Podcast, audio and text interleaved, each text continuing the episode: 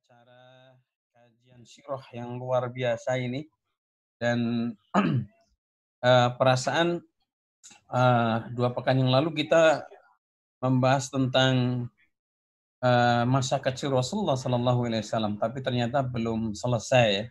Dan hari ini, insya Allah kita juga akan uh, membahas tentang uh, masa kecil Rasulullah Sallallahu Alaihi Wasallam seri kedua. Kalau dalam sejarah pendidikan kita, mungkin kita belajar sirah Rasulullah itu yang masih saya ingat sekali adalah masalah uh, bagaimana Rasulullah uh, disusui oleh Hadi, Halimah ya, uh, dan kemudian uh, terjadi peristiwa-peristiwa yang uh, ada di dalamnya, dan insya Allah dalam kajian ini uh, uh, kita juga akan uh, mendengarkan apa yang akan disampaikan oleh Ustadz tentang masa uh, kecil Rasulullah Sallallahu Alaihi Wasallam.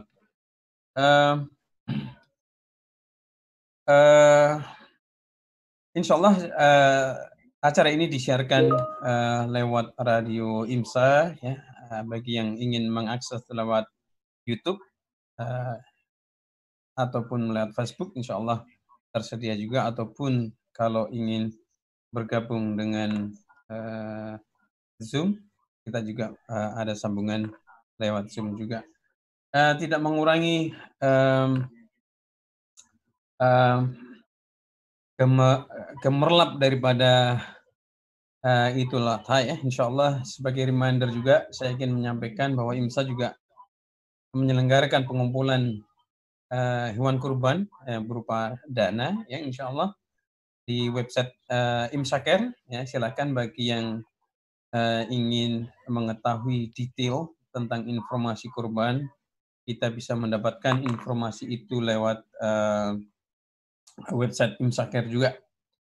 Dan uh, menurut perhitungan uh, beberapa berita, tadi juga istri saya mengatakan hari ini adalah uh, hari di mana mulai kita tidak boleh memotong rambut dan kuku ya, kalau tidak salah. Uh, uh, atau besok kalau Amerika ya. Uh, eh, kita perlu berhati-hati di situ, insya Allah untuk menjaga sunnah-sunnah yang bisa kita dapatkan selama uh, bulan korban ini. Dan alhamdulillah sudah bersama kita juga Ustadz uh, Agung Waspodo ya, uh, yang akan menyampaikan kelanjutan dari risalah masa kecil Rasulullah Sallallahu Alaihi Wasallam.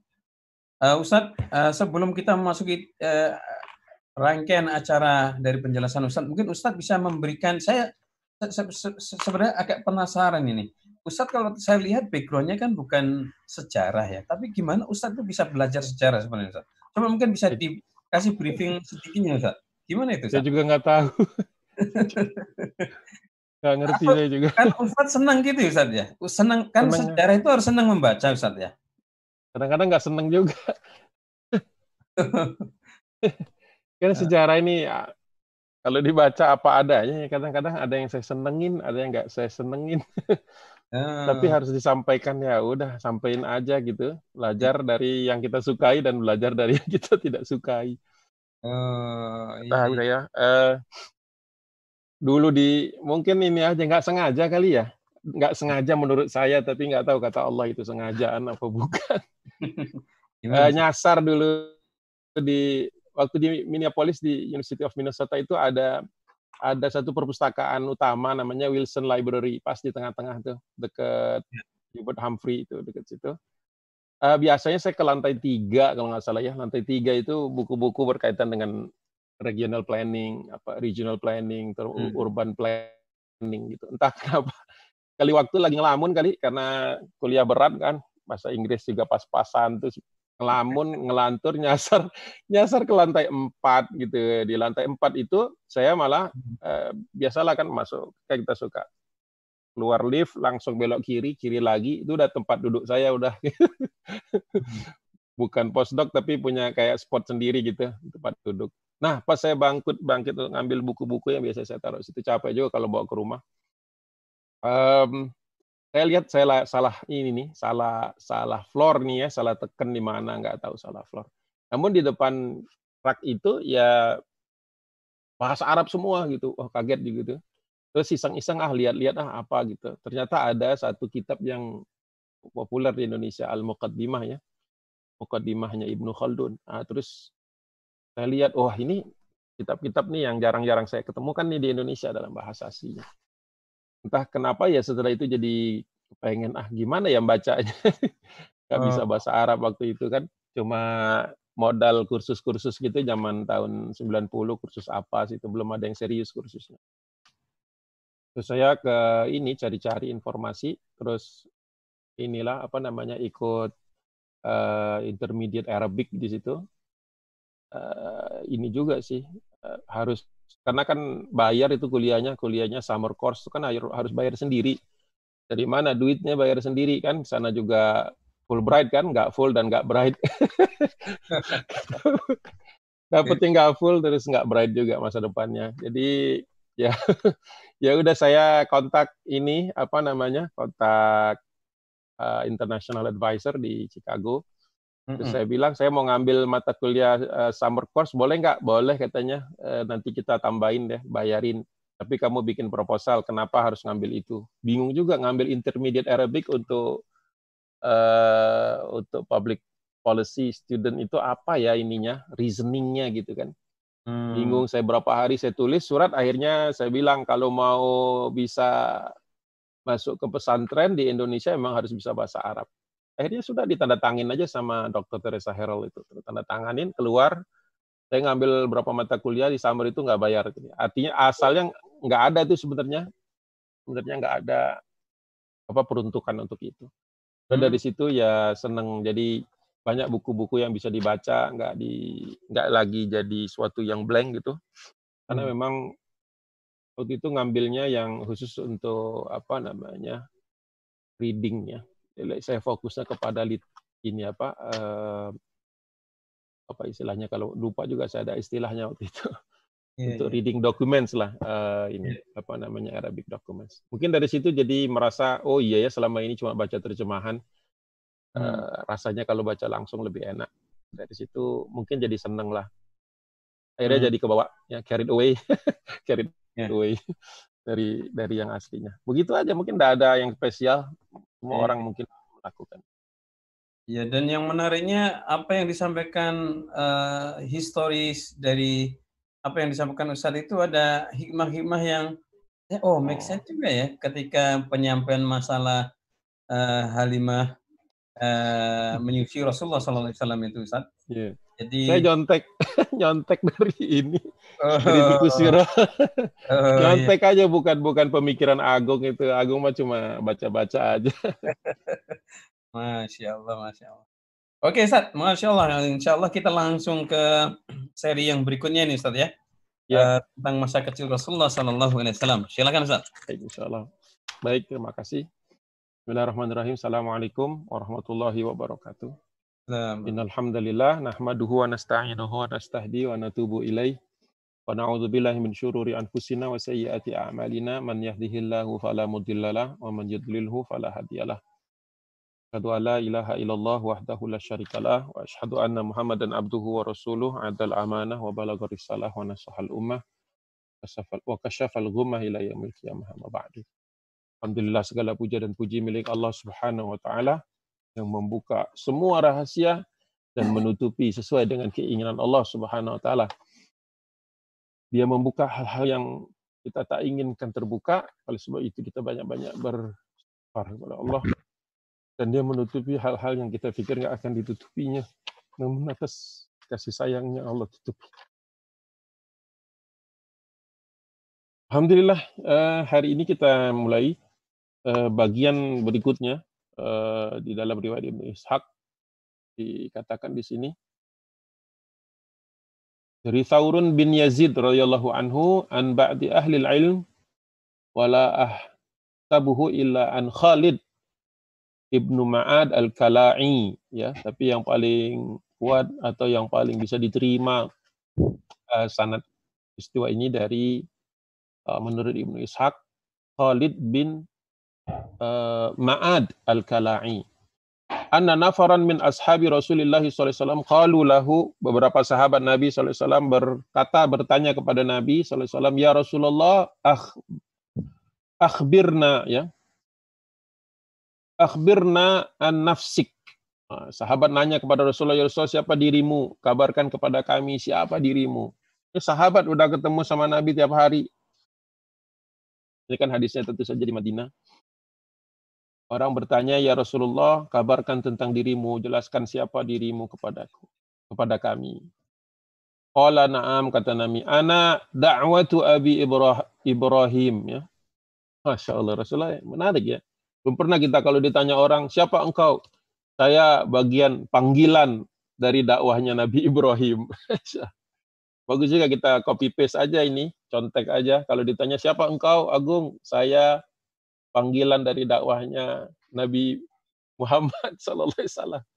Ya bahwa kita itu just, apa namanya uh, apa namanya itu atom-atom kecil gitu ya eh, pasir-pasir kotor gitu. dipanggil kalau nggak dipanggil sama Rasulullah kita nggak ada di sini mungkin kita lagi maksiat di mana gitu jadi menarik Rasulullah menjelaskan dirinya naam ana da'watu Abi Ibrahim saya panggilan dari dakwahnya Nabiullah Ibrahim alaihissalam ya uh, once in a while perlu juga kita itu menjatuhkan diri kita di hadapan Allah Subhanahu wa taala sampai ke titik paling rendah supaya kita nggak kegedean kepalanya.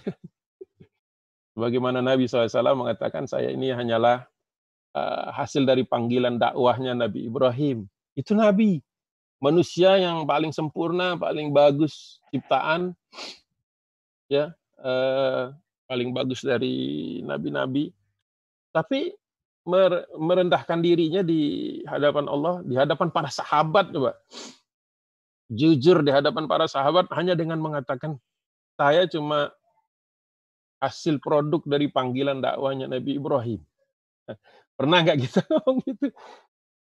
Siapa engkau? Saya hanya panggilan uh, buah dari produk dari panggilan dakwahnya Ustadz Iwan misalnya begitu, sebutlah Iwan gitu. Saya cuma produk dari panggilan dari Ustadz Iwan. Ya Allah. Wa bushra akhi Isa dan saya merupakan satu kabar gembira untuk saudaraku kata Rasulullah. Saudaraku Isa alaihissalam. Sekarang kita ketemu nabi yang nantinya akan memimpin sholat para nabi. Yang kata Nabi, kita ini uh, umat terakhir dan umat pertama. Sahabat nanya ya Rasulullah, kenapa umat terakhir? Karena setelah kita nanti kiamat. Dan kenapa kalimat kenapa kita ini umat pertama? Karena setelah kiamat kita yang duluan bangkit, kita yang terakhir diwafatkan Allah, generasi terakhir, kita akan bangkit pertama, kata Nabi SAW. Wah itu dahsyatnya menyadari itu. Ya, bangkit pertama. Jadi Nabi mengatakan saya itu adalah kabar gembira bagi saudara saya Isa alaihissalam. Waraat ummi dan i, dan ibuku kata Nabi sallallahu alaihi wasallam uh, diperlihatkan hina hamalat bi ketika sedang meng, mengandung diriku annahu kharaja min hanurun bahwa keluar dari dari dirinya itu atau dari dari apa namanya dari rahimnya itu nurun katanya cahaya. Nurun. Atau alaha kusur syam yang dari situ akan dilihat terlihat bagaimana eh, benteng-benteng uh, negeri Syam itu akan menjadi bagian dari wilayah kaum muslimin. Jadi itu salah satu isyarat-isyarat Nabi. Wasturdi'tu fi Bani Sa'din bin Bakr ya dan aku disusui eh, oleh atau aku kemudian mendapatkan ibu susu dari keluarga besar suku Banu Sa'ad bin Bakar. Suku yang dikenal bahasanya bagus. Uh, perempuan-perempuannya murah apa namanya uh, murah artinya dermawan gitu ya dermawan berbagi Eh, kemudian juga dikenal sebagai suku yang mulia, suku yang memang diandalkan Quraisy untuk urusan-urusan apa namanya rudoa. uh, penyusuhan. Ya, masya Allah ya. Nabi ya, muji semua orang nih belum nyebut nama, belum nyebut dirinya sendiri. Memuji Ibrahim, memuji Isa, ibunya, Banu Sa'ad,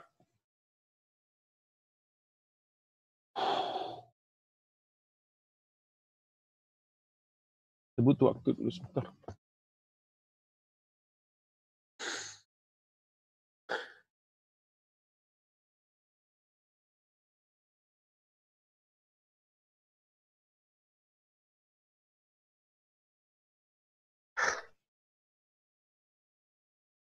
Ini luar biasa memang Ustaz ya. Masya Allah. Uh,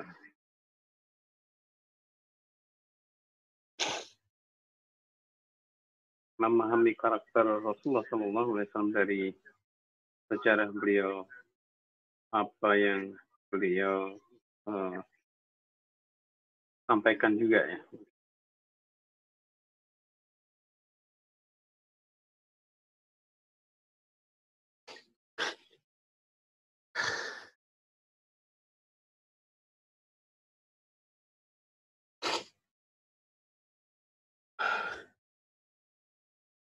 Ya, pada masa di mana dengan adanya media sosial, ya, semua orang ingin tampil, semua orang ingin spesial, semua orang kepingin kelihatan hebat. Nabi nggak pernah ngajarin itu.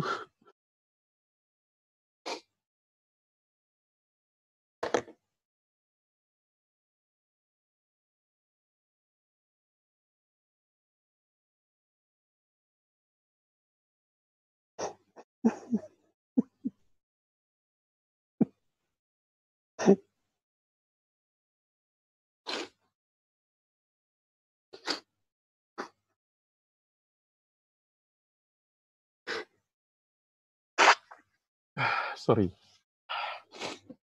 Ya, maafkan saya. Ah, maaf. Saya jadi teringat ini Ustaz, uh, di surat Al-Qalam. Wa innaka la'ala khuluqin azim itu Ustaz ya. Masya Allah.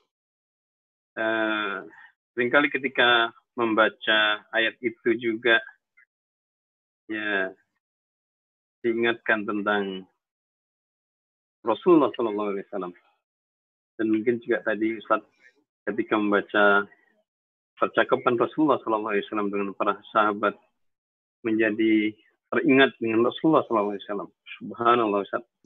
Kenikmatan yang luar biasa itu Ustaz. Masya Allah. Jadi ingin juga menggeluti sejarah nih Ustaz. Masya Allah. Lebih sering membaca. Masya Allah. Ya. Ya biasanya sejarah kalau dibaca dengan baik bisa membuka diri jadi lebih tahu diri kita siapa mana-mana yang bohongan gitu ya mana-mana yang apa namanya teatrikal mana-mana yang ya yang sedap dipandang hmm. uh, Kemudian Nabi melanjutkan Bismillahirrahmanirrahim. Fabaina ana ma'a akhili khalfa buyutina nar'a nar'a bihima lana iz atani rajulani alaihima thiyabun baydun batastin min dhahabi mamlu'atin saljan. Nabi SAW kemudian saya bersama saudara-saudara saya dari kalangan Banu Sa'ad itu uh, lagi main di belakang rumah. Ketika uh, mendatangi kami dua laki-laki berpakaian putih-putih kemudian membaringkan kami membaringkan aku kemudian uh, Allah ya. Rasulullah bercerita tentang masa ketika Rasulullah dibelah ya dadanya dan kemudian dibersihkan dengan salju kata Rasulullah SAW dalam hadis yang lain dengan beca di dalam satu bejana yang isinya ada air zam-zam bersihkan bagian itu menurut Imam Suhaili bagian itu adalah bagian di mana apa namanya bagian segumpal daging yang paling sering menjadi tempat masuknya uh, godaan setan. Oleh sebab itu Rasulullah dan dijaga oleh Allah Subhanahu. Bisa saja Allah menjadikan itu tanpa harus ada bedah membedah. Supaya kita mengambil hikmah bahwa ada kotoran di dalam diri kita ini. Nah, kalau Nabi bisa dikeluarkan, kalau kita nggak bisa dikeluarkan. Jadi dia given di dalam hati kita. Jadi orang-orang mulia itu adalah orang-orang bisa kendalikan itu. Kita semua punya potensi untuk jadi monster sebenarnya. menjadi manusia pembohong, menjadi durjana, menjadi orang yang zalim, semua kita punya potensi. Ada di dalam apa struktur badan kita. Namun kita terpilih ya dipilih oleh Allah Subhanahu wa taala. Siapa yang bisa memahami hatinya, memahami dirinya, dia akan terselamatkan. Kayak Rasulullah bersabda, "Tutai sumandan nafsahu wa lima ba'dal maut."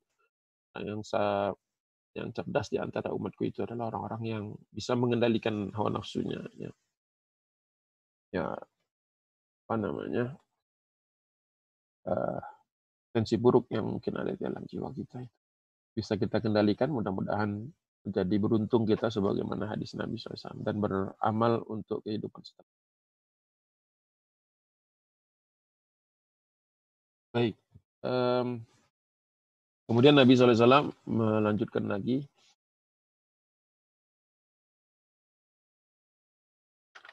Sama saja. Lanjutan saja ini penjelasan dari uh, Imam Suhaili itu panjang sebenarnya.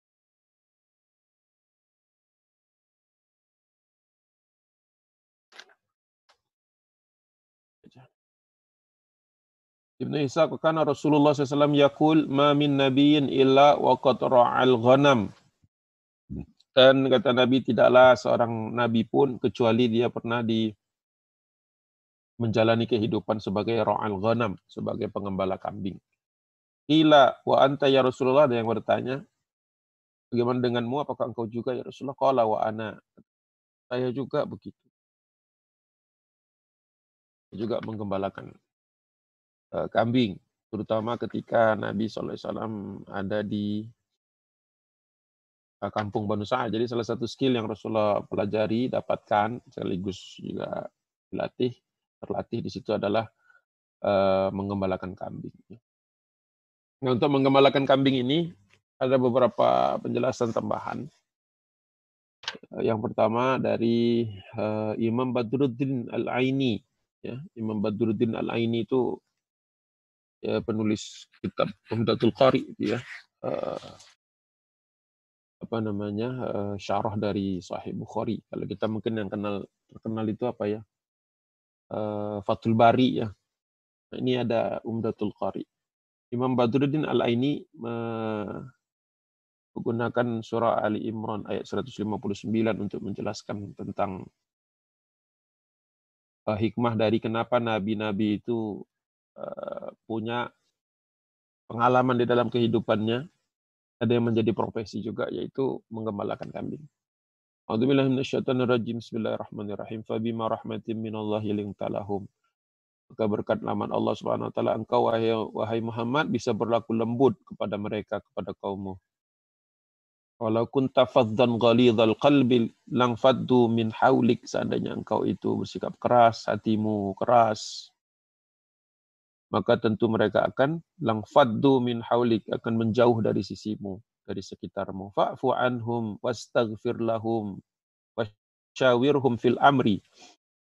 Maka mohonkanlah ampun atas mereka dan beristighfar mohon juga ampunan ya. Maafkan mereka dan mohonkan istighfar mohonkan ampunan bagi mereka kepada Allah.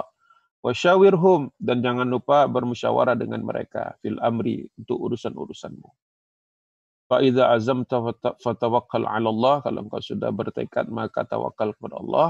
Innallaha yuhibbul mutawakkilin. Sesungguhnya Allah itu menyukai orang-orang yang tawakal. Jadi menurut Imam Badruddin Al-Aini bahwa ketika kenapa seorang nabi atau setiap nabi itu punya atau pernah dalam hidupnya menggembalakan kambing agar dia terbiasa untuk merendahkan dirinya. Dan memang para dai, para duat yang benar-benar berada di jalan dakwah itu biasa orang-orang rendah hati Ya, tapi kalau sudah mulai sombong itu sebenarnya dia sedang menjauh dari jalan Allah Subhanahu wa taala. Sombong atas kemampuannya, kehebatannya, dia merasa hebat, dia merasa kuat gitu ya. Padahal dia itu cuma pasir-pasir gitu. tapi merasa lebih hebat dari pasir yang lain. Itu. Ya memang seluruh nabi itu Allah berikan masa di dalam kehidupannya, salah satu tarbiyah pendidikan dalam kehidupannya itu adalah dia menjadi orang yang bisa menjadi teladan dalam hal rendah hati ya, merendahkan hatinya dan mungkin merendahkan dirinya di hadapan Allah Subhanahu wa taala. Begitu mungkin kenapa para ulama dulu kalau salatnya bisa lama. Kenapa para ulama ulama bisa bercucuran air mata di surat Al-Fatihah. Uh, itu yang mungkin salah satu hal yang menarik ya. Kemudian uh, versi yang ke berapa ini? Imam Ibnu Hajar Al Asqalani itu sendiri menggunakan surah Ar-Rum ayat 22 insyaallah. Ulama ini mikirnya lama ini kayak gini. Kita cuma coba-coba aja. A'udzubillahi minasyaitonirrajim. Bismillahirrahmanirrahim. Wa min ayatihi khalqus sama khalqus samawati wal ardi wa ikhtilaful wa ikhtilafu alsinatikum wa alwanikum. Dan di antara ayat-ayat kami itu adalah kami menciptakan langit dan bumi wa ikhtilafu alsinatikum dan berbedanya lisan kalian, bahasa kalian, tutur kalian wa alwanikum dan laun kulit laun warna kulit kalian. Alwan jamak dari laun Inna fi dzalika laayatin lil alimin.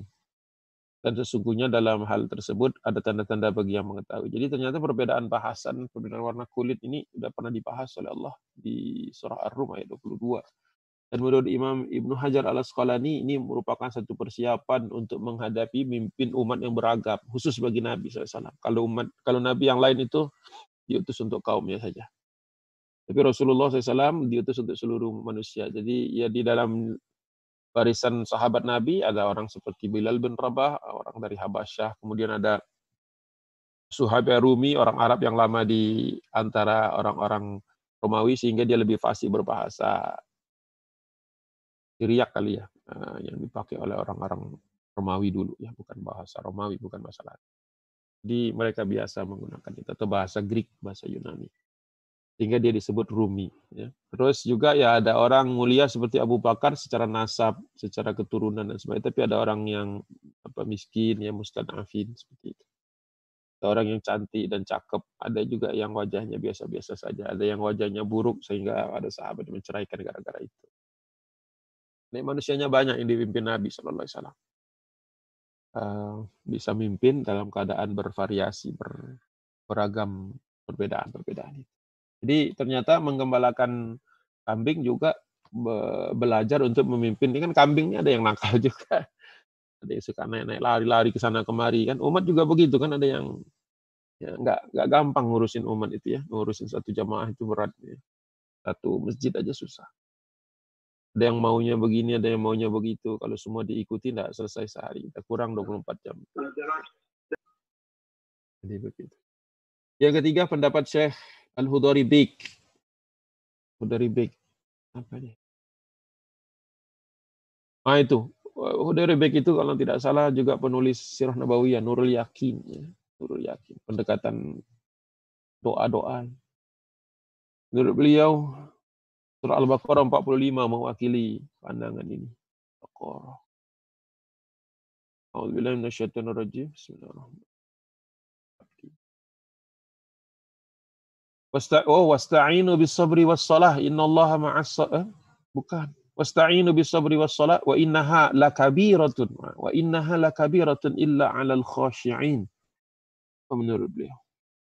Kesabaran menumbuhkan rasa kasih sayang. Menurut Syekh Baik. Bahwa mengembalakan kambing itu juga salah satu me melatih kesabaran. Melatih kesabaran. Kan? mengembalakan kambing itu nah nyari rumput sana kemari naik atas gunung mungkin rumputnya di bukit ya ajak lagi binatang itu ke sana sambil jaga mereka turun lagi dan seterusnya jadi ternyata banyak nih yang pertama tadi Imam Al Badruddin Al ini supaya merendahkan diri jadi ketika mengurusi kambing-kambing uh, ini kan ya kita cuma kita aja tuh di padang rumput itu atau di gurun itu nggak ada siapa-siapa Gak ada orang yang memuji-muji uh, seorang pengembala kambing. Pengembala kambing sepi pujian. Kalau mau banyak pujian jadi MC. Dilihatin orang. Um, beragam tadi Ibnu Hajar al Asqalani, kemudian kasih sayang, Syekh Hudribik, kemudian nah ini dia nih favorit nanti. Favorit semua sih, cuma ini Syekh Ramadan Al-Buti. Masya Allah, apa beliau? Al-An'am 90, coba kita lihat. Al-An'am 90. A'udzubillahi minasyaitonirrajim. Bismillahirrahmanirrahim. Hmm. Ulaika alladzina hadallahu fabihuda fabihudahu muqtadih. Kulla as'alukum alaihi ajran in huwa illa dzikra lil alamin. Kenapa ke sini, Syekh? Oh, maksudnya. Oh, oke, okay, baik. Jadi uh, Dr. Syed Ramadan Al-Buti mengatakan mengembalakan kambing itu adalah suatu hal yang sangat terpuji karena Oh, ini mengambil kata-kata kulla as'alukum alaihi ajron. Tidaklah aku meminta sesuatu atas dakwah ini ajron, sebuah imbalan, ya, balasan. Masya Allah. In huwa illa dzikra'il alamin. Karena sesungguhnya Al-Quran itu hanyalah peringatan bagi seluruh umat. Ulaikal ladina hadallah. Sesungguhnya para nabi itu telah diberi petunjuk oleh Allah subhanahu wa ta'ala. Fabi hudahum muqtadih dan ikutilah petunjuk mereka, petunjuk para nabi, orang-orang mukhlisin, orang-orang salihin ya. Karena mereka itu kulla biasa berkata kulla as'alukum alaihi ajran ya. Wahai Muhammad katakanlah aku tidak memilih meminta imbalan ya dalam hal menyampaikan Al-Qur'an ini ya. In huwa Jadi maksudnya um, ketika setiap nabi itu punya profesi, maka nabi itu tidak mengemis. Ya, jadi tidak mengemis karena orang yang mengemis ini diatur-atur. Kalau mau merdeka emang jangan ngemis. Merdeka suka-suka kita mau. Kalau kita lagi nggak mau, ya udah nggak mau. Tidak bisa diatur. Dan ikhlas gitu ya, eh, menerima semua yang Allah sampaikan kepada kita, lewatkan di depan mata kita, hadapkan kita kepadanya dari Said Ramadan Al Putri. Empat orang. Empat di sini. Jadi kita pun ya dalam perspektif kehidupan kita saat ini juga uh, walaupun mungkin kita bukan pengembala kambing uh, merendahkan diri di hadapan Allah. Yang kedua memimpin umat yang beragam, jadi harus bisa berbicara dengan berbagai jenis manusia kemudian harus timbul rasa sabar sehingga timbul rasa kasih sayang menurut Syekh Baik. Kemudian juga supaya kita tidak terpengaruh oleh eh, agenda-agenda. Uh, Jadi kita punya ya, penghasilan sendiri dan punya agenda sendiri. Allah. Masuk kejujuran ya, ya. Kan ya, banyak. Ya, jujur. Ya. Ya, kejujuran bisa juga. Umar bisa. dengan itu. Ya. Ya, itu juga. Tak mungkin kejujuran itu masuk di masuk di mana ya? Kesabaran juga mungkin itu. Bisa sih, yakin saya lebih banyak lagi dari ini. Cuma ada empat cuma di sini. Kita waktunya juga nggak banyak nih. Ntar lagi udah jam 6 di Indonesia. Baik, uh, saya lihat dulu bisa nggak kita nambah lagi nih. Oh bisa kayaknya. Nih, kisah berikutnya adalah anak ummuhu as-sa'diyata Alimatu Sa'diyah. Lama qadimat bihi makkata adallaha finnas. Jadi setelah selesai us, dua tahun, jadi dua tahun kedua, jadi usia empat tahun, sekitar empat tahun Rasulullah dibawa kembali. Dibawa kembali ke kota Mekah oleh Bunda Halimatu Sa'diyah. Namun adallaha finnas, namun ke dia ter apa namanya ketika di dalam kerumunan manusia hilang, sempat hilang Nabi SAW di tengah kerumunan manusia wahia muqbilatun bihi nahwa ahlihi. Kemudian uh, kembalilah Bunda Halimah ini menemui keluarga Rasulullah, Bunda Aminah, tanpa dirinya. Faltamasah, faltas, faltamasathu, falam tajidhu, fa'atat Abdul, fa'atat Abdul Muttalib, faqalat lahu, inni qad qadimtu bi Muhammadi hadhihi lailata Falamma kuntu bi a'la makkata adallani. Wallahi ma adri aina huwa. Jadi Bunda Halimah jujur datang kepada keluarga Rasul kepada keluarga Nabi ya kepada Bunda Aminah binti Wahab dan Abdul Muthalib waktu itu masih bersama apa namanya uh, kakeknya Nabi SAW dan berkata uh, Bunda Halimah berkata kepada uh, Abdul Muthalib dan Aminah binti Wahab. Sesungguhnya aku sudah membawa Muhammad ini malam ini malam malam tadi ya. Sudah aku bawa dan ketika kami berada ketika aku berada di daerah daerah tinggi Mekah bi a'la Makkah adallani dia lepas dari tanganku aku apa kehilangan dia. Wallahi ma adri aina huwa saya tidak tahu demi Allah di mana dia sekarang mungkin sudah dicari enggak ketemu. Faqama Abdul Muthalib indal Ka'bata yad'ullahi an yarudduhu kemudian Abdul Muthalib mendatangi Ka'bah dan berdoa kepada Allah Subhanahu wa taala an yarudduhu agar mengembalikan atau menemukan kembali Muhammad sallallahu alaihi wasallam. Fayazu'umuna annahu wajadahu Waraqatu ibnu Naufal bin Asadin. Nah, ini Waraqah bin Naufal nih, Waraqah yang nantinya akan ketemu lagi dengan Rasulullah ketika Rasulullah sudah diangkat sebagai nabi. Jadi Waraqah bin Naufal warajulun akhar min Quraisyin dengan seorang laki-laki lain dari Quraisy menemukannya ya, menemukan Nabi sallallahu alaihi wasallam. Wa ataya bihi Abdul Muttalibi. Kemudian mereka berdua membawa pulang Muhammad SAW kepada Abdul Muttalib. Faqala lahu hadza ibnuka. Ini anakmu. Wajadnahu bi a'la Makkah. Kami temukan dia sedang berada di daerah-daerah apa namanya pegunungan gunungan Mekah. Fa'akhadahu Abdul Muttalib kemudian diambil oleh Abdul Muttalib dan diserahkan kepadanya. Faja'alahu ala unukihi wa huwa yatufu bil Ka'bah. Kemudian faja'alahu ala unukihi diangkat digendongkan di di leher ya di apa? Ya digendong di leher ya. Bagaimana seorang ayah biasanya laki-laki kalau gendong anaknya yang masih kecil itu digendong di leher. Di apa namanya? akan di bahu gitu. Di pundak, maaf, di pundak. Jadi di, dibegitukan oleh Abdul Muthalib memang kakeknya Nabi SAW ini eh, betul-betul cinta dengan Rasulullah, sayang layaknya seorang anak. Makanya juga tadi Warokah mengatakan hada ibnuka, ini anakmu, padahal kan ini cucumu artinya. Kemudian diajaknya untuk tawaf mengelilingi Ka'bah, salah satu di antara milah Nabi Allah Ibrahim yang masih apa? masih bisa kita saksikan. Jadi ya manusia itu tergantung lingkungannya juga gitu ya. Kalau lingkungannya baik dia akan terpapar dengan kebaikan. Makanya orang tua nih harus banyak-banyak beristighfar kepada Allah Subhanahu wa taala karena dia akan menjadi lingkungan terdekat anak itu beberapa tahun di awal-awal kehidupan anak.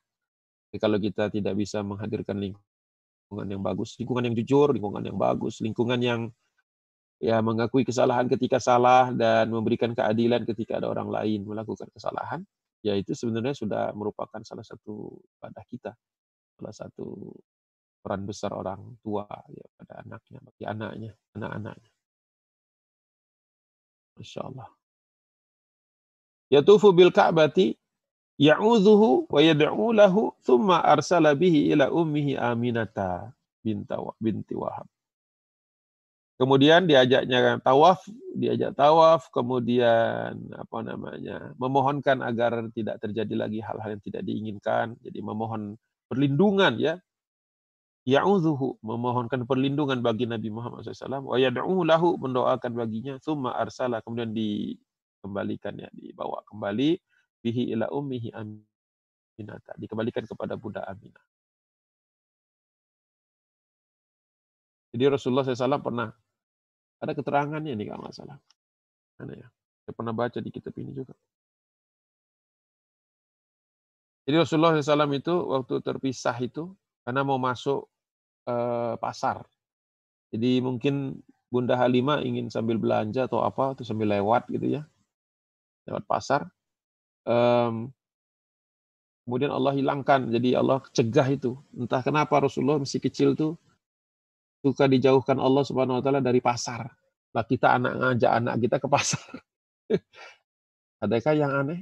Tidak tahu saya. Coba kita baca. Ini nih. Penjelasan dari uh, Imam Suhaili. Wa dzakara Qaulan Nabi sallallahu alaihi wasallam, "Ma min nabiyyin illa wa qad ra'al ghanam." Tidaklah seorang nabi itu kecuali pernah jadi selalu punya pengalaman mengembalakan kambing. Kila, wa anta ya Rasulullah? Qala wa anana.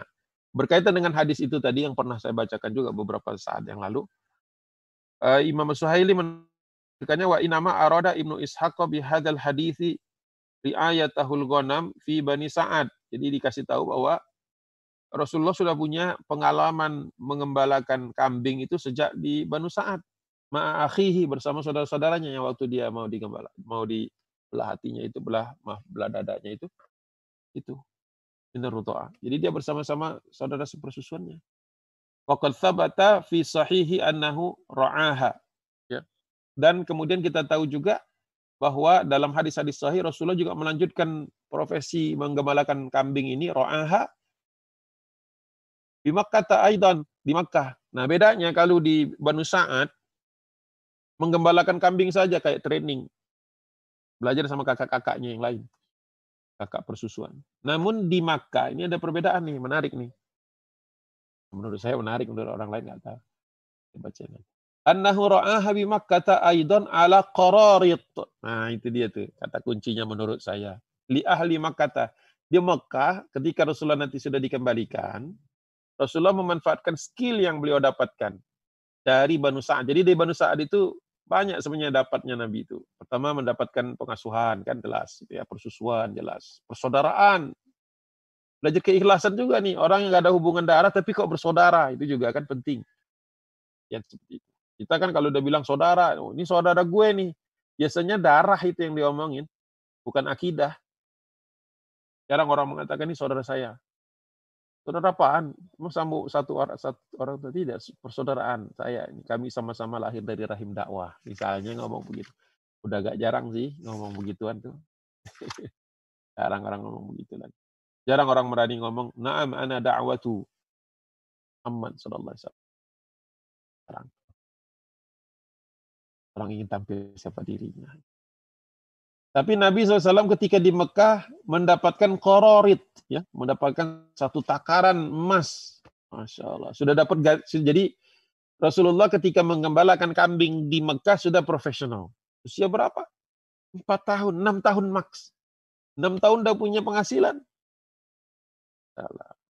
Nah, itu juga bagus tuh. Anak-anak juga harus dilatih tuh. Punya profesi, punya keahlian yang kemudian orang mengakui keahlian itu bukan kasihan. Dan orang kemudian menghargai profesi, dan itu juga bagian profesi mengembalakan. Dalam Sahih Bukhari, tapi ini tambahannya, tambahan saja nih, di buku nggak ada ya, cara-cara itu. Berkaitan dengan kirat atau qararit, Sahih Bukhari hadis nomor 1325, Sahih Muslim hadis nomor 945. Man syahidal janazata hatta yusalla 'alaiha falahu kiratun. Nabi bersabda barang siapa yang mengurus jenazah atau menghadiri mendatangi jenazah bertakziah sampai dengan sholatnya sampai menyolatkannya alaiha falahu kiratun dia seperti mendapat eh, apa namanya mendapatkan ganjaran dari Allah itu seperti satu kirat waman syahidaha Barang siapa yang terus menyaksikannya atau mengantarkannya hatta tudfana, hatta tudfana, sampai dikuburkan. Falahu kira, falahu kiratan. Falahu kiratan. Dan dia mendapatkan dua kirat. Kemudian sahabat Nabi ada yang bertanya, kila, bertanya kepada Rasulullah, wa mal, ki, wa mal kiratan ya Rasulullah? Qala mithlul jabalaini jabalainil azimaini. Kata Nabi itu pahalanya seperti gun, dua gunung besar yang terbuat dari emas. Itu Rasulullah menggunakan istilah kirot atau jamaknya kororit. Kalau dua kiroton. Kiroton. Jadi Rasulullah ketika pulang dari Banu Sa'ad bukan sekedar tumbuh sehat, bukan tumbuh kuat, itu ya, tapi Rasulullah SAW ketika di 4 sampai 6 tahun tergantung apa namanya riwayat yang dipercayai kuat uh, berada di Banu Sa'ad sudah dapat satu skill dasar untuk Rasulullah bisa hidup secara mandiri, punya penghasilan. Menggembalakan kambing sampai kemudian nanti usia 25 tahun ketika menikah bisa memberikan mahar 20 unta merah. Isrina bakratan. Berarti pertama penghasilan sebagai sebagai apa penggembala kambingnya ini cukup besar. Dan kedua, mungkin kalau besar saja nggak cukup. Banyak orang kan penghasilan besar tapi nggak cukup-cukup. Waktu menikah, ada yang ngasih maharnya 2 miliar, itu kan 20 unta itu kan kurang lebih 2 miliar itu. Mungkin. Atau 1,5 lah kalau mau ditawar. Kayaknya nggak ada ya. Belum pernah saya dengar yang sampai miliaran-miliaran itu kecuali orang kaya raya. Jadi di zaman itu Nabi SAW bisa hidup hemat dan penghasilan dia banyak besar tapi tidak habis tidak habis di dalam apa gelimang kehidupan. Kalau jadi mungkin itu mungkin yang jarang diapresiasi kita mungkin hanya tahunya sebatas Nabi mendapatkan ibu persusuan di sana, tumbuh kembang sebagai anak yang kuat. Tetapi juga termasuk berarti jasanya ini adalah membuat Nabi persiapan di antara persiapannya yaitu adalah mandiri. Nah, satu-satu lagi boleh? Sedikit lagi ya, baru selesai. Nah.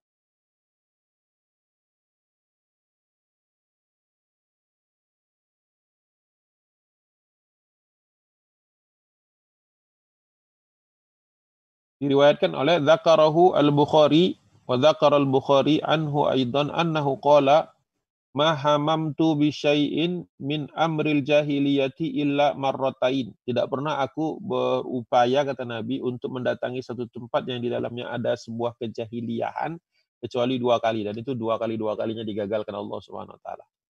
Mendatangi tempat yang di dalamnya. Jadi Rasulullah mendatangi tempatnya bukan mendatangi kejahiliannya. Tetapi Rasulullah kemudian baru sadar kenapa Allah tidak sampaikan di situ karena eh, apa namanya? Karena tempat tersebut tidak bukan sesuatu yang Allah ingin Rasulullah sampai ke sana. Ya. Warawa anna ihdal marrotain ya dua kalinya itu oh, aku apa mengembalakan kambing itu dua kali nah, dalam kedua kali keadaan ya jadi berkaitan dengan penggembalaan juga karena fi ghanami yar'aha huwa wa gulamun min Quraisyin jadi pada waktu itu aku sedang mengembalakan kambing sama seseorang anak dari orang Quraisy. Jadi Rasulullah ngajak temannya gitu ya. Sebut namanya, diajak teman. Ya ibaratnya kan kalau ngembalain satu dua kambing bisa sendirian. Kalau sudah 20 30 sendirian malah ya efektif. Jadi ngajak teman supaya ya nanti mungkin bagi, apa, bagi hasil lah. Faqala li sahibihi Kemudian Rasulullah berkata kepada sahabatnya itu, Ikfini amrol ghanami hatta atia makkata tolong uruskan sementara ini eh, kambing-kambing ini saya mau turun sebentar ke Makkah karena kan biasa menggembalakannya di tempat tinggi. Wakana biha ursun, ursun, maaf, ursun. Karena waktu itu ada sebuah pesta pernikahan, walimatul urs, urs, jangan urs, jangan pakai shin, urs. Ya. Wakana biha ursun, fiha lahwun, wazamrun. Nah, Rasulullah tanpa sepengetahuan Nabi Rasulullah sebenarnya kepengen lihat nih, belum pernah Rasulullah selama di kampung tuh nggak pernah lihat ada perayaan pernikahan. Ya. Apa salahnya mendatangi pernikahan? Kita kira-kira berpikir begitu. Tapi ternyata untuk standar Nabi waktu itu karena masih kecil, masih muda, Allah ingin menjaga kesucian hatinya, kebersihan lingkungannya. Kata Nabi ternyata baru tahu di kemudian hari bahwa di dalamnya ada orang-orang nyanyi dan wazamrun, ada kelalaian-kelalaian hal-hal yang membuat orang jadi cinta kepada dunia. Fala madana min dari liyahdura dzalika ulkiya alaihi naum. Ketika aku sudah mendekat ke tempat tersebut dan sudah apa istilahnya sudah ingin ingin sekali Rasulullah datang ke situ, tidak tahu Rasulullah mau ngapain sana mungkin cari makan atau kepengen lihat aja mungkin ya ulkiya alaihi naum. Kemudian aku ditimpakan oleh Allah Subhanahu wa taala dengan rasa ngantuk. Karena mahatta darabtuhu hatta darabtuhu syamsu. Aku tertidur sampai hilang apa sambil sampai siang, sampai hampir sore ya. Matahari udah hampir hilang. Darabtuhu syams. Ini ungkapan aja. Darab doroba itu kan artinya memukul. Mana bisa orang mukul apa matahari, tapi maksudnya dorob tuhul. Dorob tuhus syams itu maksudnya uh, matahari sudah mulai menghilang. Jadi Rasulullah kan mengembalakannya pagi, ternyata Rasulullah dibuat buat dibuat tidur sama Allah Subhanahu wa taala sampai sore. Sehingga uh, apa namanya? Kata Nabi, ismatun minallahilah. Ya. Ini merupakan cara Allah ismatan, iya karena ini menerangkan tentang tadi tidur tadi. Ismatan min, minallahilahu. Ini merupakan sebuah uh, bentuk Allah menahan Nabi dari menghadiri acara-acara seperti itu. Jadi ketika Rasulullah bangun, acara udah selesai. Jadi Rasulullah tidak melihat itu nyanyi-nyanyian yang nyanyian jahiliyah di dalam itu dan juga tidak tidak sempat melihat uh, adegan-adegan lah yang terjadi di situ. Allah Allah mungkin ini pernikahan jahiliyah seperti apa kita nggak tahu. Dan pernah terjadi lagi kata Nabi. Wafil Wa fil marratil ukhra sama ada kejadian seperti itu lagi, sama Rasulullah SAW juga dibuat tidur lagi. Insyaallah, yaitu cara Allah SWT menjaga Nabi SAW. Kalau kita sekarang kita datengin acara-acara yang tidak bagus ya. Mengundang kemaksiatan. Mungkin kita harus kurangi ya, apalagi jangan sampai ngajak anak di situ. Anak-anak kecil yang masih belum bisa membedakan mana yang baik dan buruk mungkin dia anggapnya bapaknya ada di sini pasti acara ini bagus dong cukup mungkin eh, 6.16 mungkin nanti tanya jawab 15 menit sampai 6.30 next kita bahas wafatnya Bunda Aminah sampai dengan pernikahan Nabi Shallallahu Alaihi itu saja dari saya mohon maaf uh, tadi banyak hambatan di awal mudah-mudahan uh, tidak mengurangi manfaat dari acara ini. Bila walidaya. Assalamualaikum warahmatullahi wabarakatuh.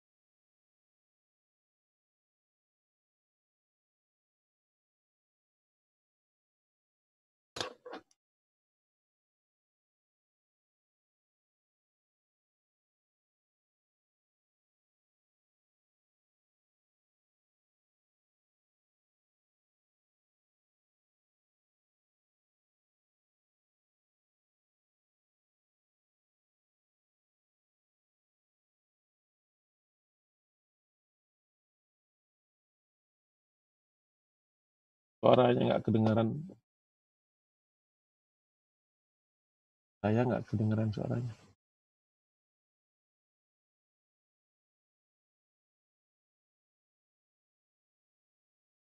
Belum terdengar, Yusuf. Belum masuk ya suaranya.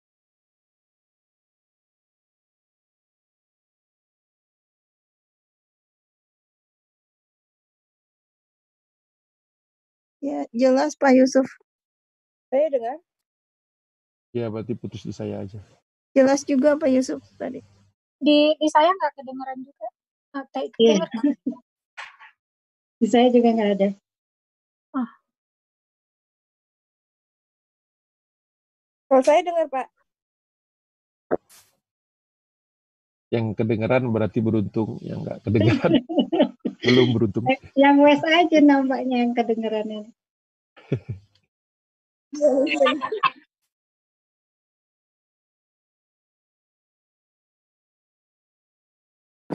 Lah kok di is bagus kok, Pak. Di is bagus. Ah, Bu Dede kedengeran?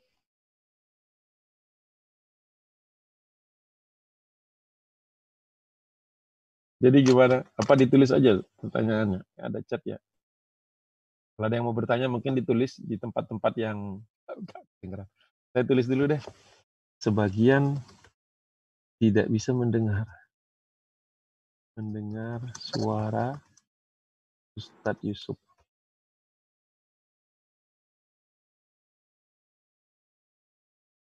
Oh itu bukan bias, bisa. Salah saya. Ustadz nggak dengar kayak Pak? Nggak dengar saya. Nggak kedengeran saya. Mungkin pertanyaan mungkin pertanyaan Jika ada, bisa ditulis di chat. Chat ini. Saya hubungi Pak Yusuf lewat WA juga, tapi mungkin belum dibaca karena lagi fokus.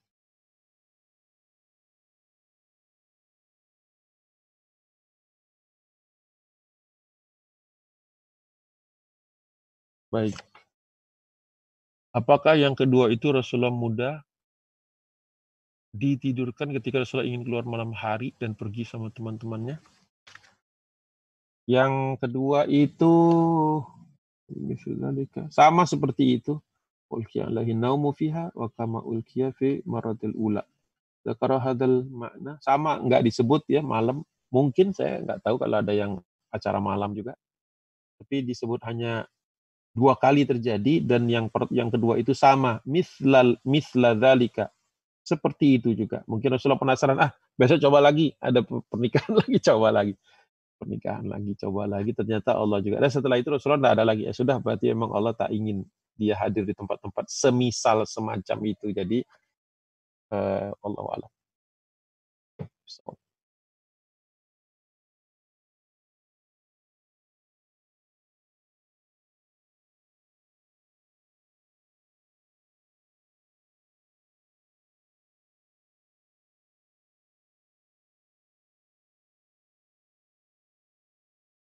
Jadi gimana lanjutnya? Ya, akan kalau ada pertanyaan yang lain. Kita sampai 6.30. Oh ya, di Munawar Khalil. Baiklah.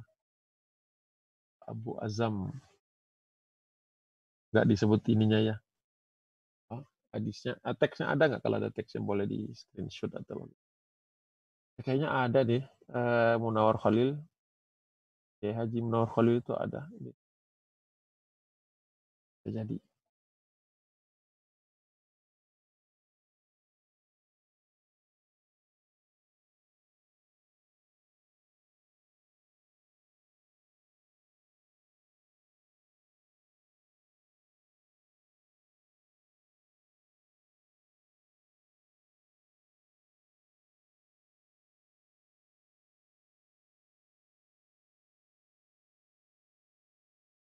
Ya, kembali ke Mekah. Bu Dedeh ya. Bu Dedeh ada pertanyaan situ. Ketika Rasulullah sudah kembali ke Mekah, apa kegiatan Rasul? Masih menggembala kambing? Masih. Masih. Wabil khusus Rasulullah ya karena justru karena dari orang tuh jadi terkenal jadi orang tuh mau menggembalakan kambingnya kepada Nabi karena Rasulullah ini terkenal sebagai orang yang jujur. Makanya kalau kita lihat salah satu uh, babak di mana Nabi SAW mendapatkan gelar Al-Amin itu adalah karena Rasulullah itu jujur. Nah, jujur itu orang pertama kali melihatnya atau mulai terkenalnya itulah kejujurannya ketika berbisnis. Dalam hal ini berprofesi sebagai penggembala kambing. Jadi orang seneng lah namanya. Ya namanya orang jujur itu kan mana aja bagus. Bisnis bagus, hubungan bagus, organisasi bagus, bersosial bagus, apalagi semua bagus gitu. Dalam dakwah apalagi kan kita ngeri kalau berdakwah sama orang nggak jujur ya. Jadi ya karena kejujurannya lah kemudian jadi orang uh, lambat laun percaya kepada anak muda yang bernama Muhammad ini. Ya kalau misalnya menggembalakan sambing satu kambing dapat sekian, kalau menggembalakan 100 kambing ya dapat 100 kali ujrohnya kan, sewanya itu kan. Itu juga mungkin di antara yang membuat Nabi cepat kaya karena kejujurannya. Ya karena kejujurannya bukan karena profesi kambingnya. Apa pengembala kambingnya. Profesi apa pun kalau nggak jujur ya pasti buruk kan? Jadi Rasulullah mengedepankan itu. Eh, masih mengembalakan masih. Baik uh, boleh bertanya? Ya. oh ya boleh bu. Bu uh, tadi kan kondisi uh, apa namanya Allah menjaga betul hmm. uh, Muhammad kecil ya yeah. dari hal-hal yang berbau maksiat. Kira-kira kalau zaman hmm. sekarang ini ada nggak uh, apa anak-anak muda yang Allah jaga juga? Ya, ada Bu. Dijaga juga oleh Allah Subhanahu Wa Taala melalui orang tuanya. melalui orang tua. Jadi ya anak-anak muda yang beruntung lah berada di dalam keluarga seperti itu, keluarga yang Islami ya. Uh, apa namanya Allah Subhanahu Wa Taala itu ya di antara kenikmatan yang kita dapatkan itu kan adalah ketika kita berada di dalam lingkungan yang uh, ya yang Islami, yang peduli kepada keluarga, ya orang ayahnya peduli kepada apa namanya ibunya kepada anak-anaknya dan sebagainya. Jadi ya kalau langsung itu, langsung artinya dijaga oleh Allah Subhanahu wa taala langsung, Allah alam mungkin juga ada tuh wali-wali ya para uh, manusia yang Allah cintai itu mungkin dijaga ya dalam bentuk karomah, dalam bentuk apa gitu dijaga oleh Allah Subhanahu wa taala. Tapi mungkin kalau kita nggak bisa ngandalin itu kali ya, harus tetap berusaha uh, apa namanya di jalan Allah Subhanahu wa taala dan ya menjaga anak kita sebagian dari dari dakwah itu kan menjaga anak itu. Menjaga anak bukan hanya fisiknya saja tetapi mentalnya juga harus dijaga. Begitu bu. Kalau ini apa tadi? Ada pertanyaan lagi ini. Bu Ika tadi udah beres ya? Itu. Kita jaga anak termasuk bagian dari kebajikan juga kan uh, di dalam apa namanya uh, surah Al-Ahqaf ayat 15 ya, yang di antara ciri-ciri orang usia 40 tahun itu adalah di antaranya Qala rabbi auzi'ni an ashkura ni'mat ni'mataka allati an'amta alayya wa ala walidayya wa an a'mala salihan tardahu wa aslih li fi dzurriyyati. Jadi di antara ciri-ciri orang yang matang itu adalah satu dia meminta ahli syukur, kemudian dia bersyukur kepada nikmat yang dia rasakan dan nikmat yang dia dapatkan dari orang tuanya. Itu. Tapi kemudian ada balasannya juga tuh, ada ada ada padanannya juga ketika an ashkura ni'mataka allati an'amta alayya wa ala walidayya itu kan kepada orang tua kita. Wa an a'mala salihan tarda mencari amal-amal soleh yang mendatangkan keridhaan Allah wa aslih li fi dan jadikanlah kami orang-orang soleh solehkanlah diriku dan anakku. Jadi ayat itu ke atas dan ke bawah tuh. Mensyukuri adanya orang tua, sekaligus juga mensyukuri atau berusaha agar anak-anaknya jadi anak-anak yang soleh. Jadi anak yang soleh lahir dari orang tua yang bersyukur kepada orang tuanya juga. Terus saja begitu. Jadi memang up and down, up and down, up and down. Kita bersyukur dengan adanya orang tua kita, bentuknya adalah kita menjadi orang tua yang baik kepada anak-anak kita. Waslili fi dzurriyyati inni tubtu ilaika wa inni minal muslimin. Ya Allah, aku bertobat kepadamu dan jadikanlah kami bagian dari kaum muslimin. Al-Ahqaf 15 atau 14? 15. Baik, berikutnya Ustadz, pekerjaan status orang pengembala kambing itu seperti apa zaman ini? Ya semua yang berkaitan dengan jasa penitipan. Kalau mau letterlek. Orang nitip apa kepada kita, kita amanah gak? Ya itu seperti gembala kambing lah kalau sekarang. Kalau mau fisiknya ya gembala kambing, cari kambing gembalakan. Jadi punya punya perkebunan luas gitu. Kalau juragan kambing masuk nggak? Eh, nggak masuk sebenarnya. Karena dia jagain kambingnya itu untuk bisa itu bisa juga. Nggak digembalakan sih sekarang nih. Rumputnya yang didatangkan dulu kan kambingnya mendatangi rumput. Kalau sekarang rumput mendatangi kambing. Jadi penggembala rumput bukan penggembala kambing. itu pemikiran saya aja apa? Ada nggak orang masih menggembala kambing? Mungkin di kampung-kampung masih ada. Di negeri-negeri tertentu di mana kambing adalah satu komoditi yang berharga dan sehari-hari masih. Di Indonesia kan sudah di peternakan mungkin itu, tapi tidak lagi digembalakan karena biasanya pakannya sudah didatangkan sudah terjadi perubahan ya revolusi industri apa-apa itu jadi tidak lagi kita mengembalakan ke alam lepas kecuali di beberapa negara yang memang masih memungkinkan itu. Ustaz, kalau ya. uh, apa? Kalau misalnya memelihara hewan ternak hmm. eh, apa peliharaan gitu, pet gitu ya, hmm. ya, itu ya. bisa nggak menumbuhkan karakter tadi? Bis, bisa, asal cuma jangan cuma sejam. Ya cuma sejam jadi cuma dimainin itu namanya bukan dikembalain, dimainin, diisengin, ditunggangin gitu. ya kasih 10 terus suruh merumput di mana gitu. Coba dia ngurus 10 Jangan kambing satu itu balik. ya Ustaz ya kalau gitu. Iya. Kalau satu jadi mainan pet lain kan pet tuh. Pet tuh kan teman kan. Itu bukan teman ya, apa istilahnya? Mainan. Ini kan gembala itu kan berarti dia ya kita kasih kita beliin 10 nih. Dia urus dah, kita urus dari 10 nih. Dari mandi maka eh, dari mandi makannya ya kan kemudian kotorannya kemudian dia besar, nggak ada yang kalau dibawa keluar nggak ada yang keperosok. Kan, kan Umar kan sering mengatakan begitu kan. Saya khawatir nanti suatu saat ada kambing yang terperosok, Umar yang tanggung jawab. Jadi Umar mengambil tanggung jawab seluruh penggembala kambing.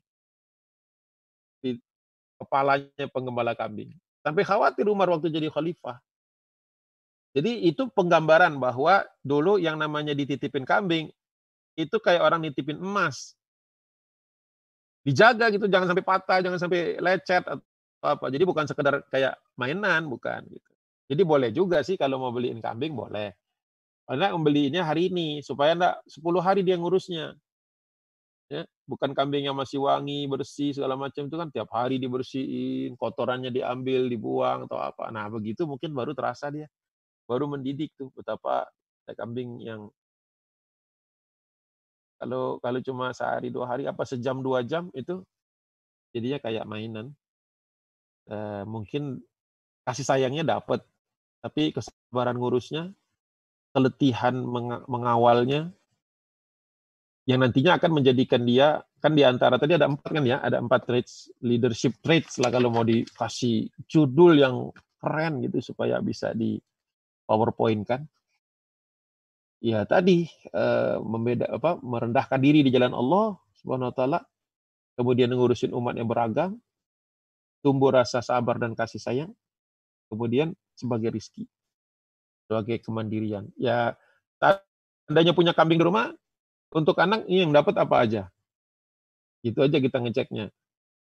Apakah anak itu kemudian jadi rendah dirinya di hadapan Allah Subhanahu wa taala, merendahkan dirinya di hadapan Allah?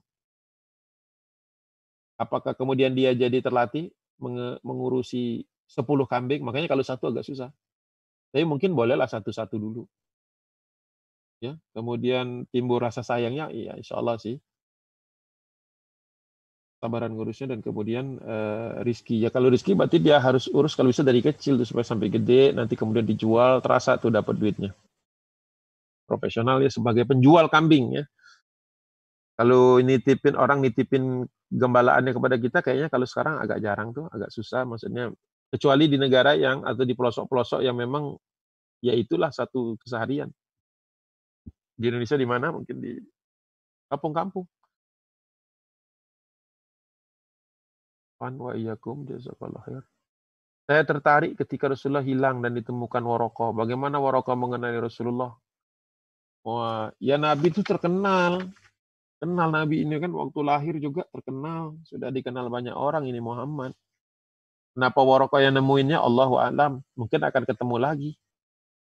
Waraka bin Naufal bin Asad. E, mungkin kan ngelihat ada anak tertidur gitu di pinggiran gitu kayak nggak ada yang ngurus tapi pas dilihat-lihat kayak anaknya Abdul Muthalib kan Abdul Muthalib kan waktu beberapa kajian yang lalu ketika lahir itu kan ingat nggak waktu lahir itu diberikan kepada Abdul Muthalib. Anak Abdul Muttalibi akhadahu fadakhala bil Ka'bati. Abdul Muthalib sendiri kan uh, pemimpin orang Quraisy kan. Kemudian dia bawa ke Ka'bah pasti central of attention kan. Pokoknya ya Allah berdoa atas nama Allah kan dulu orang tidak berdoa atas nama Allah pasti sensation ya sensational apa happening gitu. Jadi orang tahu siapa sih Oh Abdul Muthalib bawa siapa sih? Oh Muhammad. Muhammad siapa? Anaknya Abdullah. Abdullah yang sudah meninggal dunia itu iya. Oh, anaknya Aminah gitu ya. Jadi terkenal, Rasulullah dikenal lah. Maksudnya it's not nobody. Somebody ya dikenal oleh orang. Jadi rokok. Kalau kita bicara tentang logiknya, ya, adalah yang kenal dengan Nabi di Mekah itu. Kebetulan Waroko. Kenapa Waroko? Mungkin nanti beberapa halaman lagi jawabannya. Ketika Waroko mendatangi Nabi SAW ketika Rasulullah sudah berdakwah, kemudian uh, turun dari Gua Hira, kemudian mendatangi Bunda Khadijah, kemudian Bunda Khadijah menenangkannya, Kemudian Bunda Khadijah mendatangi Warokoh. Nah, itu ketemu lagi Warokoh. Menjelaskan tentang suaminya begini, begini, begini. Kata Warokoh bin Naufal, ketemu lagi nih dengan sosok Warokoh. Kata Warokoh bin Naufal, wa innahu la nabiyya hadhil ummah. Orang ini akan menjadi nabi bagi seluruh umat. Fal yathbut Sampaikan kepada Muhammad suamimu itu wahai Khadijah, hendaklah dia sabar, hendaklah dia kokoh, teguh. Karena apa? Kemudian disampaikan sendiri oleh Waraqah kepada Rasul. Waladhi nafsi biyadihi innaka lanabiyya hadhil ummah. Sesungguhnya jiwa yang jiwa Waraqah yang ada di tangannya. Demi Allah sesungguhnya engkau akan jadi nabi bagi umat ini. Walaqad ja'aka namusul akbar. Telah mendatangi munamus al-akbar yaitu uh, Jibril alaihissalam alladzi ja'a Musa yang juga pernah datang kepada Nabi Musa alaihissalam fal tukadz wala wala tukadzibannahu wala tu'dhayannahu wala tukhrajannahu wala tuqatilannahu. Ingat-ingat Muhammad engkau pasti akan didustakan orang engkau pasti akan dianiaya orang engkau pasti akan diusir orang engkau pasti akan coba dibunuh oleh orang ini Waraka bukan berarti dia ahli melihat masa depan, dia ahli melihat masa belakang. Karena dia baca Injil dan Taurat, dia tahu bagaimana perlakuan orang-orang dulu kepada nabi-nabi dulu. Tak ada nabi yang tak didustakan, tak ada nabi yang tak dihina, tak ada nabi yang tak diusir, tak ada nabi yang tak dibunuh. Diancam terbunuh, ada yang terbunuh, ada yang tidak. Jadi Waraqah sampai ngomong begitu. Maybe it's first acquaintance, kemudian nanti later on He will meet again. Ya kadang-kadang kan kita ketemu orang kita nggak kenal siapa. Eh besok ketemu lagi. Eh tahunya jadi besan. Allah Allah bisa kita nggak tahu. Makanya hati-hati membenci orang dan hati-hati menyukai orang. Karena yang kita benci tahu-tahu jadi besan. ya kita senengi tahu jadi musuh besok. Ya ini aja lah. Uh, uh, take it as it comes. Ya, kalau kita lihat ada orang, wah orangnya bagus, masya Allah orangnya bagus ya. Ya, tapi kita tahu juga setiap kebaikan pasti ada yang tersembunyi. Ada orang jelek banget, tapi kita tahu pasti di balik jelek ini ada kebaikan. Entah kapan keluar itu. Jadi kita husnuzon dulu. Tapi tetap waspada. Begitu. Jadi kalau ditanya eh, Pak Abu Azam, kenapa ketemu Rokok? Saya nggak tahu. Tapi yang saya lihat, dia akan ketemu lagi Nggak tahu juga. Saya juga nggak tahu kita ketemu di sini. Mungkin bakal ketemu lagi. Wallahu a'lam. Sudah ya, cukup ya. Alhamdulillah. Eh, kedengaran sekarang suara saya Ustaz? Kedengaran? Kedengaran? Wis, Masya Allah. Tadi keluar dulu, masuk lagi. Iya. ya, Alhamdulillah. Ini ada di chat, ada pertanyaan dari Abu Azam. Ustaz? Oh, ada lagi ya lanjutannya. Apa karena beliau sudah tahu bahwa Rasulullah akan menjadi nabi? Enggak tahu. Karena saya mungkin juga karena adik perempuannya Waraqah ingin sekali menikahi Abdullah. Itu hadisnya diperselisihkan oleh para ahli hadis. Kalaupun ada di Kiai Haji Munawir Khalil, cucunya pernah ke rumah saya. Dibilang, Ustaz punya kitab kakek saya itu. Iya punya. Ustaz tahu kan ada kelemahannya? Tahu waktu beliau meninggal belum sempat direvisi. Terus siapa yang revisi? Mudah-mudahan saya Ustadz katanya. Aib, saya tunggu nanti. Ada Syauki Hafiz, cucunya Kiai Haji Munawar Khalil. Terus kadang-kadang ada katanya catatan kelemahan kakek katanya uh, ada beberapa hadis-hadis yang sebenarnya harusnya ditahrij lagi, dicek lagi. Tapi karena waktu itu zaman dulu uh, mungkin tidak tersedia atau bagaimana, tanpa mengurangi rasa hormat.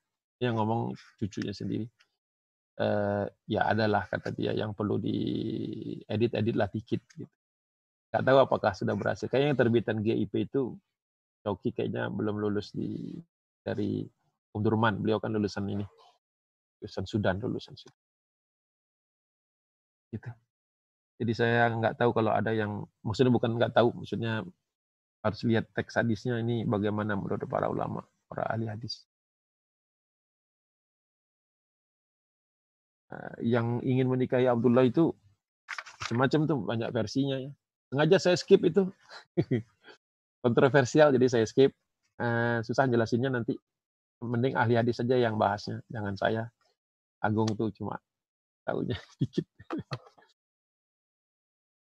Ya alhamdulillah masya Allah. Kita sudah satu setengah jam ini satu ya jam masya Allah.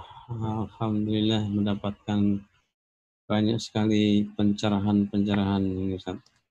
Dan saya ya. yakin kalau kita bahas detail lagi seperti yang Ustaz skip-skip itu pasti akan semakin panjang waktu yang kita perlukan Ustaz.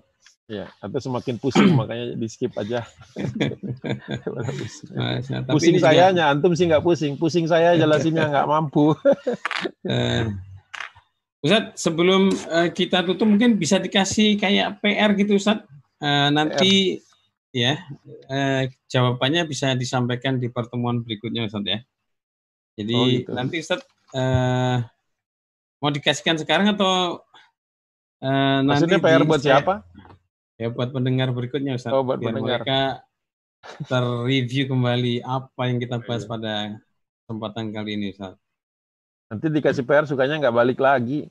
Ya, itu justru balik lagi Ustaz. Mas jawabannya kan jadi penasaran tuh Ustaz. Oh, ini. Uh, karena nggak di ranking Ustaz. ya. Nanti insya Allah uh, kita ah. mau disampaikan sekarang atau nanti Ustaz? Waktu di Apa ya? Maksudnya PR ini hal-hal yang berkaitan dengan next ya, what's next gitu ya? Apa yang mau ya, dibahas boleh berikutnya ya? Atau yang barusan kita bahas juga Ustaz. Oh, atau gitu. mungkin yang yang tersamar-samar tapi ya membuat kita untuk bisa hadir di eh, pertemuan berikutnya nih, Ustaz. Menarik ini, Ustaz. Kayaknya mending IMSA aja lah yang bikin PR kan ada rekamannya. Kalau saya bikin oh, PR, ya. saya bet tahu betapa nggak enaknya dapat PR. Jadi saya nggak mau ngasih PR. Oke. Okay. Saya tak mau Jadi, ngasih sama... PR karena nggak suka PR. Iya, iya, iya. Berarti besok uh, apa pekan depan sebelum kita mulai kita tanyakan Ustaz ya pada hadirin ya, wah, di pertengahan ya, mungkin juga ya kalau sudah, sudah kumpul. Nah, nanti uh, bisa menjadi ini uh, pengingat Ustaz, review kembali, refresh kembali ya, ya, boleh. apa yang dijelaskan pada uh, kajian hari ini. Mungkin uh, uh, resume dari Ustaz, Ustaz, masalah apa yang kita bahas hari ini Ustaz. Uh, silakan Ustaz. Hmm. Oh, resumenya. Secara apa? singkat aja Ustaz, kira-kira. Ya, bahwa Rasulullah itu jika ditanya tentang dirinya, dia tidak mengedepankan dirinya ya. Manusia perlu latihan untuk tidak dikenal. Sekolah-sekolah melatih anaknya supaya yang dikenal, eh di pengajian suruh nggak dikenal. Jadi apa antitesis. Artinya kita ber apa namanya beramal soleh ya mengejar ilmu karena Allah Subhanahu Wa Taala. Kalau dengan itu orang mengenal kita, alhamdulillah. Nggak kenal nggak apa-apa. Tak perlu mengalokasikan usaha khusus supaya orang mengenal kita. Sejujurnya kalau banyak dikenal orang itu sebenarnya lebih banyak lagi kemungkinan masuk neraka jahanamnya sebenarnya gitu. Jadi ya kita sedapat mungkin selamat dari ranjau-ranjau itu ya. Kalau bisa nggak terkenal bagus, kalau akhirnya terkenal juga ya semoga bisa mengendalikan diri. Itu yang pertama. Yang kedua um, apa tadi itu um, kambing tadi ya jadi terbiasa kita merendahkan diri di hadapan Allah, kemudian siap untuk memimpin umat, ya. Kemudian juga ada kesabaran atas kasih sayang, mudah memaafkan, kemudian juga uh, independen secara penghasilan supaya dakwah ini tidak terkooptasi, tidak dakwah ini kemudian tidak menjadi ajang apa namanya mencari uang. Ada istilahnya kan menghidupi dakwah dengan hidup dari dakwah. Dua hal yang perlu kita waspadai ya. Mudah-mudahan dengan seperti itu Allah berikan rezeki yang halal dan toyib sehingga kita apa yang kita sampaikan betul-betul karena ingin mencari ridho Allah Subhanahu wa taala. Itu saja mungkin. Amin. Alhamdulillah, masya Allah saat kita belajar sejarah, kita belajar akhlak, kita belajar bagaimana uh, berdakwah juga, masya Allah. Alhamdulillah, uh, kita sudah di penghujung acara dan uh, insya Allah nanti uh, kita kasih kuis-kuis uh, di pertemuan berikutnya dan uh, kita masih uh, ingin belajar tentang sebelum sejarah Rasulullah SAW akan depan ya kalau tidak salah Ustaz ya. Uh, dan uh, saya pribadi mengucapkan uh, mewakili uh, IMSA mengucapkan banyak terima kasih kepada saudara-saudara yang hadir pada kesempatan kali ini, kepada kru Radio IMSA, kepada kru Learning and Development ya, yang telah mengupayakan untuk bisa terselenggaranya acara kali ini. Um, kita tutup acara kita insya Allah dengan uh, doa kafaratul majlis. Subhanakallahumma wa bihamdika asyhadu an la ilaha illa anta astaghfiruka wa atubu ilaik. Wassalamualaikum warahmatullahi wabarakatuh. Insya Allah kita jumpa kembali dalam lain kesempatan.